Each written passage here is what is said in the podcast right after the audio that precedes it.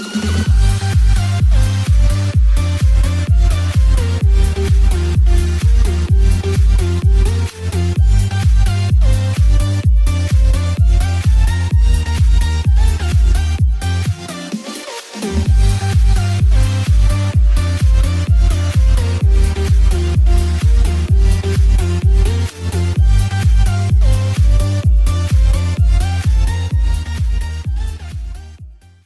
Bapak Ibu Saudara yang dikasih Tuhan, senang sekali ketemu kembali dengan Anda semua. Kalau Anda, masih ingat, terakhir kali saya khotbah tanggal 10 April waktu itu Jumat Agung, saya menjelaskan apakah kasih Tuhan bersyarat atau tidak bersyarat. Karena ada orang-orang berpikir begini, bisa jadi bahwa walaupun Yesus sudah mati di kayu salib, darahnya sudah tercurah, tapi dia mengasihi saya tetap aja bergantung pada perbuatan saya. Sebaliknya, ada orang yang berpikir begini, saya hidup di dalam dosa nggak apa-apa, nanti saya tinggal minta maaf karena toh Tuhan mengasihi saya apa adanya dan dia juga bakal ampuni saya nanti. Sehingga hidupnya seenak-enak aja.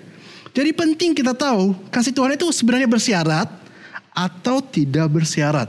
Nah, waktu itu saya menjelaskan entah kasih Tuhan bersyarat ataupun tidak bersyarat, saya menjelaskan melalui kita membahas covenant-covenant yang ada di Alkitab.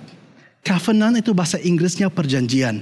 Dan kita waktu itu membahas empat perjanjian di perjanjian lama, yaitu dengan Tuhan membuat perjanjian dengan Nuh, dengan Abraham, dengan Musa maupun dengan Daud. Dan satu perjanjian di perjanjian baru yang kita bahas yang namanya New Covenant. Atau sesuai di Alkitab kalau Anda baca. Sekarang namanya perjanjian baru. Dan dari sana kita melihat beberapa hal. Dan hari ini saya ingin untuk melanjutkan membandingkan covenant-covenant yang ada. Jadi kita mau melihat perbedaannya perjanjian lama, perjanjian-perjanjian Tuhan sama perjanjian atau covenant baru, perjanjian-perjanjian Tuhan. Bedanya di mana? Dan apakah Injil sudah ada di perjanjian lama? Sehingga hari ini saya berikan judul Old Covenant Gospel atau bahasa Indonesia janji-janji Tuhan dan Injil di perjanjian lama tanda tanya karena kita ingin tahu apakah ada iya atau enggak. Dan mari kita berdoa dulu. Tuhan kita bersyukur untuk kesempatan yang luar biasa. Hari ini kita ingin melihat kebenaran sejak dari perjanjian lama. Bagaimana engkau begitu luar biasa dan mulia. Dan engkau pimpin umatmu. Dan kebaikanmu selalu dulu sekarang selama-lamanya. Dan supaya hari ini kita belajar lebih lagi. Mampukan kami. Di dalam nama Yesus semua katakan. Amin. Jadi sesuai dengan judul di sini, Old Covenant Gospel tanda tanya atau Injil di perjanjian lama tanda tanya, apakah di perjanjian lama sudah dihotbahkan mengenai pengampunan dosa, kesembuhan dan keselamatan? Dan jika memang iya, bedanya apa dengan dari perjanjian lama sama perjanjian baru? Kan hal itu pun kan di perjanjian baru itu yang selalu diberitakan. Jadi mari kita hari ini belajar persamaan maupun perbedaan Perjanjian lama dan perjanjian baru. Kita akan buka Mazmur pasal 25. Ditulis oleh Daud dan kita akan baca beberapa ayat di antaranya. Mari kita boleh baca bersama Mazmur 25 ayat 7. Daud mengatakan begini, Dosa-dosaku pada waktu muda dan pelanggaran-pelanggaranku janganlah kau ingat Tuhan tetapi ingatlah kepadaku sesuai dengan kasih setiamu oleh karena kebaikanmu ya Tuhan. Jadi Daud ini bicara kepada Tuhan. Dikatakan Tuhan jangan ingat dosa-dosa saya pada waktu masa muda saya. Pelanggaran-pelanggaran saya jangan diingat. Ini bahasa lainnya dengan mengatakan Tuhan tolong ampuni dosa-dosa saya. Bahkan kita tahu di bagian lain, Mazmur yang lain, Daud mengatakan begini, Tuhan saya mengerti sejauh timur dari barat, Tuhan sudah membuang dosa saya. Jadi jelas, ya kita sepakat saat ini, perjanjian lama dan perjanjian baru sama-sama sudah ada pemberitaan mengenai pengampunan dosa. Walaupun mungkin caranya aja yang berubah, yang berbeda. Kalau dulu cuman karena ada domba, ada binatang yang disembeli, darahnya tercurah dan itu harus dilakukan terus menerus. Kita tahu bahwa dikatakan 2000 tahun yang lalu anak domba Allah namanya Tuhan Yesus sudah datang mati di kayu salib dan itu adalah pengorbanan yang sempurna sehingga sudah nggak usah diulangi terus menerus. Bahkan karena kematian Tuhan Yesus ada hal-hal lain yang sekarang kita bisa alami yang di perjanjian lama belum bisa dialami tapi kita akan pelajari nanti. Lanjut ayat yang ke-8. Di sana Daud katakan begini.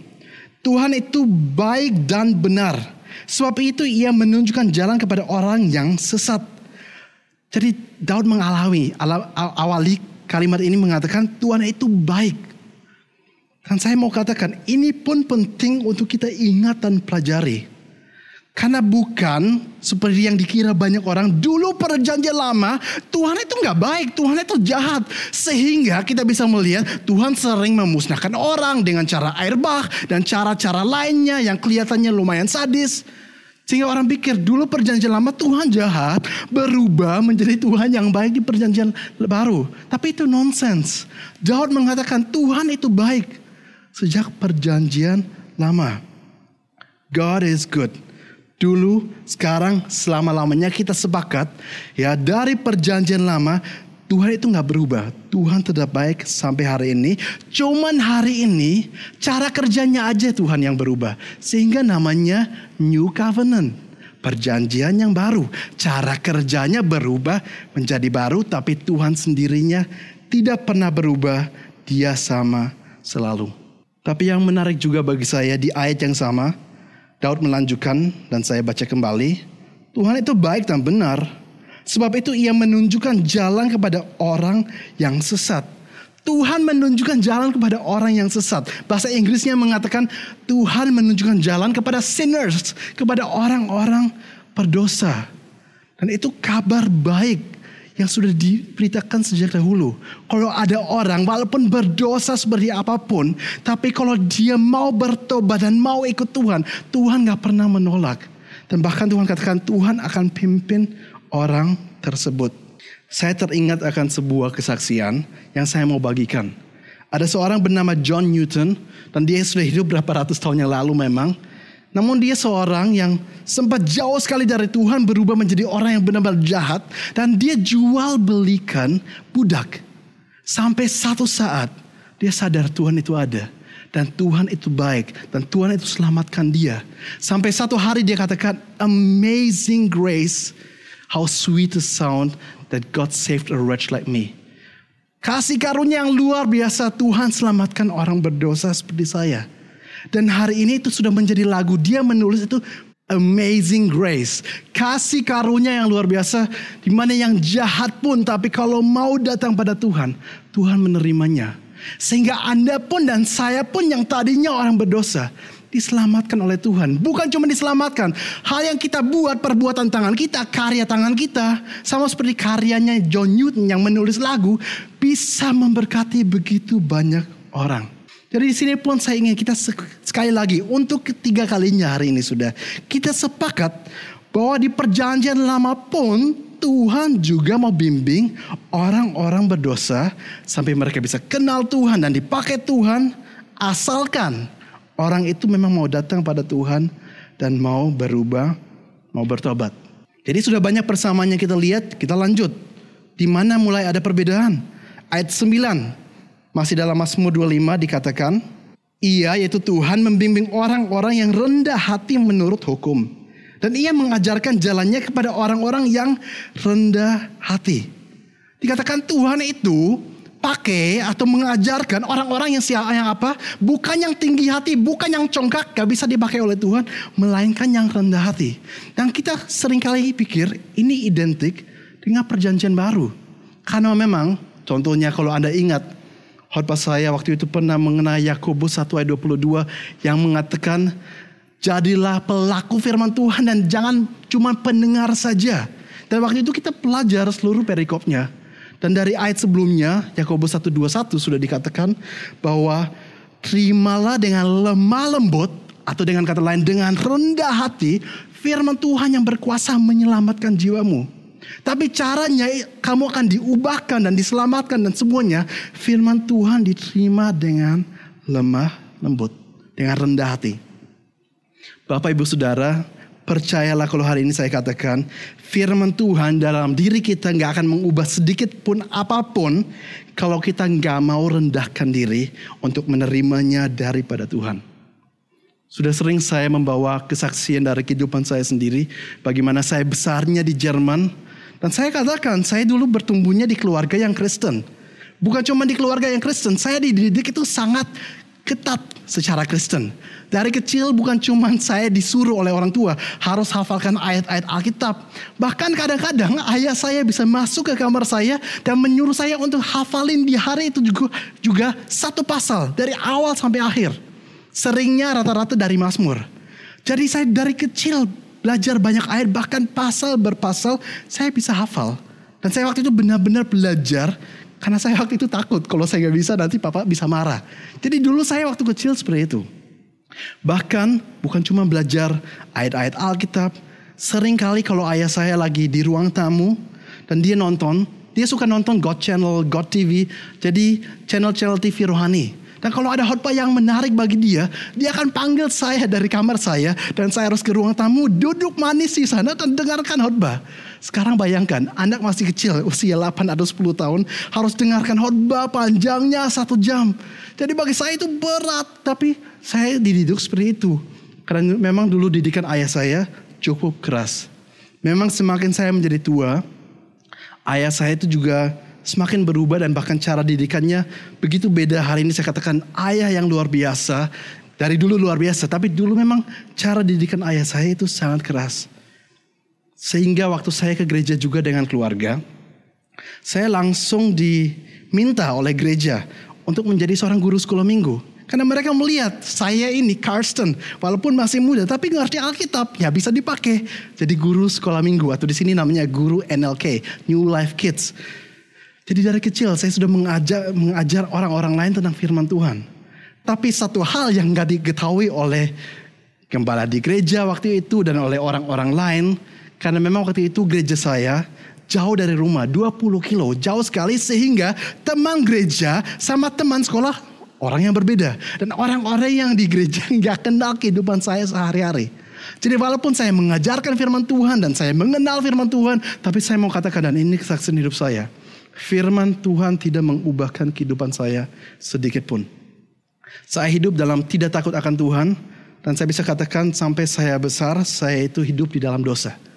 Di mana kalau saya mabuk itu sering, saya suka pesta, dugem dan sebagainya sering.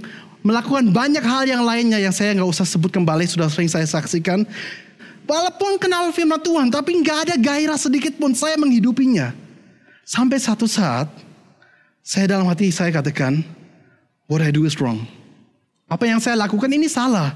Dan saya mulai sadar bahwa saya ini saya harus berubah. Dan saya harus bertobat. Dan saya harus lari kepada Tuhan. Dan saya membuka hati saya untuk mau menerima firman. Sehingga semua firman yang memang saya sudah mengerti selama itu. Baru di sana mulai mengubahkan saya. Menjadi saya seperti yang hari ini. Orang yang super rendah hati banget apa gunanya rendah hati kalau nggak ada yang tahu, ya kan? Just kidding, uh, cuma bercanda aja. Tapi intinya Tuhan mengubah kita semua, saya maupun Anda menjadi apa yang kita adanya hari ini. Itu karena kita katakan Tuhan, bukan karena kekuatan saya, bukan karena apa yang saya bisa, tapi saya harus datang pada Engkau. Hanya Engkau yang bisa selamatkan saya. Itu rendah hati. Dan bahkan kita ingat di zamannya Yesus berjalan di dunia ini. Ke mana pun dia pergi, kota demi kota demi kota. Biasanya Yesus punya masalah cuma dengan sebuah kelompok orang. Bukan dengan orang berdosa. Mau itu orang berzina, mau itu pemungut cukai. Asalkan mereka mau ikut Yesus, Yesus itu super dekat sama mereka. Tapi sering kali yang suka debat dengan Yesus justru adalah para farisi, ahli-ahli Taurat, orang-orang yang seharusnya banyak mempunyai firman Tuhan, tapi karena congkak, karena merasa mampu, karena merasa lebih hebat dari yang lain, firman Tuhan gak pernah mengubah kehidupan mereka. Sehingga Yesus pun waktu mau milih siapa yang jadi murid-murid saya. Yesus memilihnya dari antara orang-orang yang Alkitab mengatakan orang-orang yang tidak mampu, orang-orang yang tidak terpelajar. Tapi karena mereka mau ikut Tuhan dan mau berubah. Sampai hari ini kita melihat dampaknya. Dunia diubahkan oleh 12 orang yang mengikut Yesus. Dan dari 12 orang akhirnya di kamar loteng jadi 120 orang. Sampai hari ini menjadi jutaan orang. Jadi saya bisa katakan ini sebuah kabar sukacita untuk Anda maupun saya. Kalau ada yang merasa bahwa saya ini kurang mampu dan saya ini gak terpelajar, gak sebanding dengan orang lainnya. Bukan itu yang Tuhan perlukan. Asalkan engkau rendah hati, engkau tidak meningkat diri, engkau tidak congkak, tapi engkau rendah hati, Tuhan bisa pakai engkau dengan dahsyat. Sebaliknya kalau ada orang lain yang punya kemampuan luar biasa latar biasa latar belakangnya dia luar biasa dan dia merasa hebat karena memang hebat tapi percayalah Tuhan tidak mau pakai orang itu. Jadi saya hari ini mengajak kita semua, kita introspeksi diri. Apakah kita termasuk golongan seperti yang dikatakan oleh Daud maupun kembali diulangi terus menerus di perjanjian baru. Apakah kita ini orang yang rendah hati, bukan orang yang congkak. Kenapa juga yang mau kita banggakan? Kalau kita sekarang pikirkan ya, mungkin ada orang bahkan dia bangga dan yang dia tinggikan adalah hal-hal yang dia terima dari Tuhan. Mungkin dia itu pinter ya, dia orangnya cerdas. Ngapain dia banggakan? Bukankah Tuhan yang memberikan itu waktu dia lahir? Orang lain merasa mungkin lebih cantik, dia merasa ganteng, dia, dia, dia merasa sok dan banyak hal sebagainya karena memang dia keren. Tapi bukankah Tuhan sendiri yang bentuk wajahnya, wajahnya waktu dia masih dalam rahim ibunya? Apanya yang mau dibanggakan? Semua pemberian Tuhan. Mungkin orang lain merasa hebat karena suaranya luar biasa sehingga bisa jadi WL contohnya atau bisa nyanyi di mana atau orang itu pinter mengerti Alkitab dan dia merasa saya lebih mengerti Alkitab dibanding yang lain. Apa yang mau dibanggakan? Bukankah kata Alkitab setiap bakat dan semua yang kita miliki Tuhan yang sudah karuniakan jadi mari hari ini kita semua mengingat kita rendahkan diri dan kalau kalaupun kita mau berbangga, biarlah sama seperti Paulus kita mengatakan bahwa kalaupun ada yang saya mau megahkan adalah kasih karunia Tuhan dalam kehidupan saya yang sudah memampukan saya untuk semuanya. Jadi di sini Bapak Ibu Saudara, saya kembali mau mengajak kita untuk sepakat ya. Ini sudah untuk yang keempat kalinya kita sepakat di perjanjian lama maupun perjanjian baru ada kesamaan. Di mana Tuhan bimbing mereka yang rendah hati. Jadi kita melihat sampai sekarang banyak kita temukan persamaan demi persamaan. Jadi pertanyaan masih begini. Perjanjian lama sama perjanjian baru perbedaannya apa? Apakah ada perbedaan? Tentu dan coba sekarang kita mulai buka Mazmur 103. Dan di Mazmur 103 saya akan baca ayat 2, 3 dan 4 di mana Daud mengatakan begini. Pujilah Tuhan hai jiwaku dan janganlah lupakan segala kebaikannya. Dia Tuhan, dia yang mengampuni segala kesalahanmu, yang menyembuhkan segala penyakitmu, dia yang menebus hidupmu dari lubang kubur, yang memahkotai engkau dengan kasih setia dan rahmat, yang menarik bagi saya kita di sini temukan tiga hal. Dan tiga hal tersebut adalah dikatakan oleh Daud, pujilah Tuhan yang yang apa mengampuni ayat tiga yang mengampuni segala kesalahanmu. Itu yang pertama.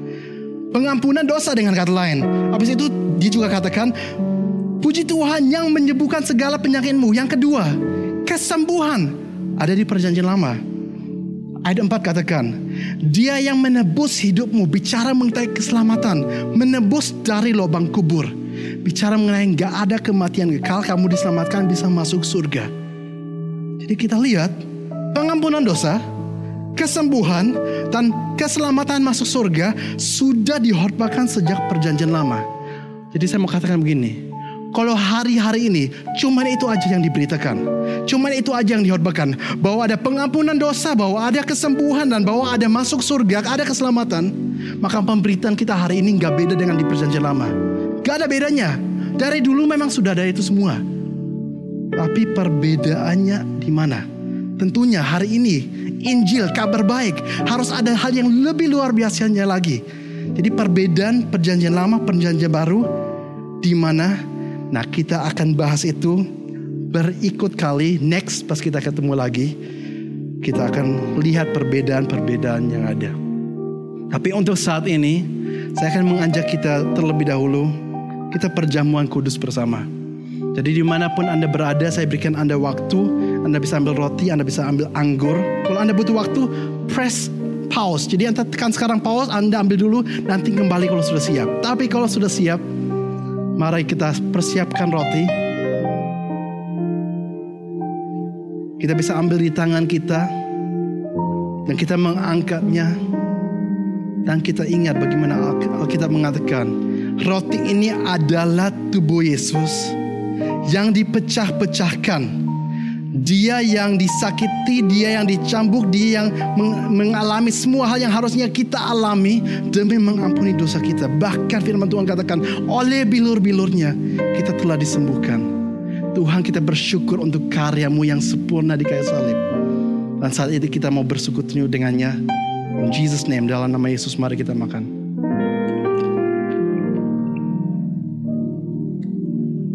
Thank you Jesus. Kita juga persiapkan anggur.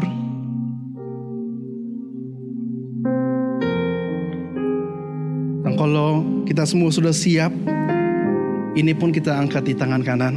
Kita berdoa. Tuhan hari ini kita diingatkan kembali.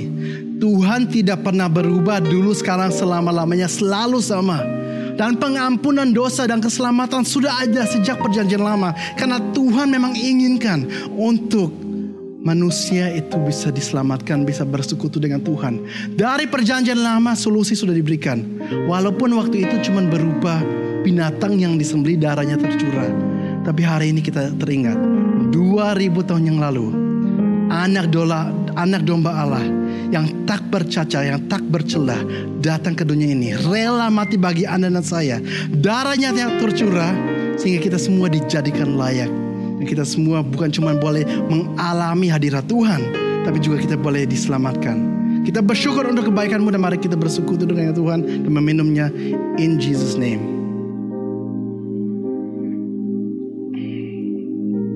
Di mana pun kita berada kita boleh berseru kepada Tuhan, kita boleh tepuk tangan untuk Tuhan untuk setiap kebaikan Dia, untuk pengorbanan Dia.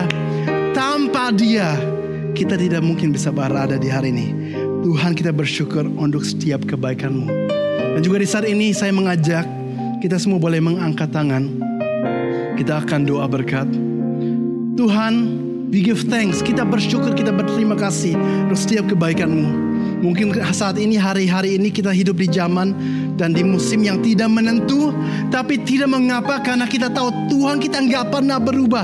Dulu, sekarang, selama-lamanya selalu sama. Kalau orang lain ditolong, saya pun juga ditolong. Sehingga apa pun situasi keadaan, namun kehidupan saya dan sukacita saya dan damai sejahtera saya tidak akan bergantung daripada itu. Hanya bergantung kepada Tuhan yang hadir bersama dengan saya setiap saat. Jadi saya minta saat ini semua angkat tangan. Biarlah berkat dari Allah Bapa, cinta kasih dari Tuhan Yesus, dan persekutuan yang indah dengan Roh Kudus menyertaimu saat ini sampai selama-lamanya. In Jesus name, di dalam nama Yesus kita berdoa semua katakan Amen. God bless you. Sampai jumpa kembali.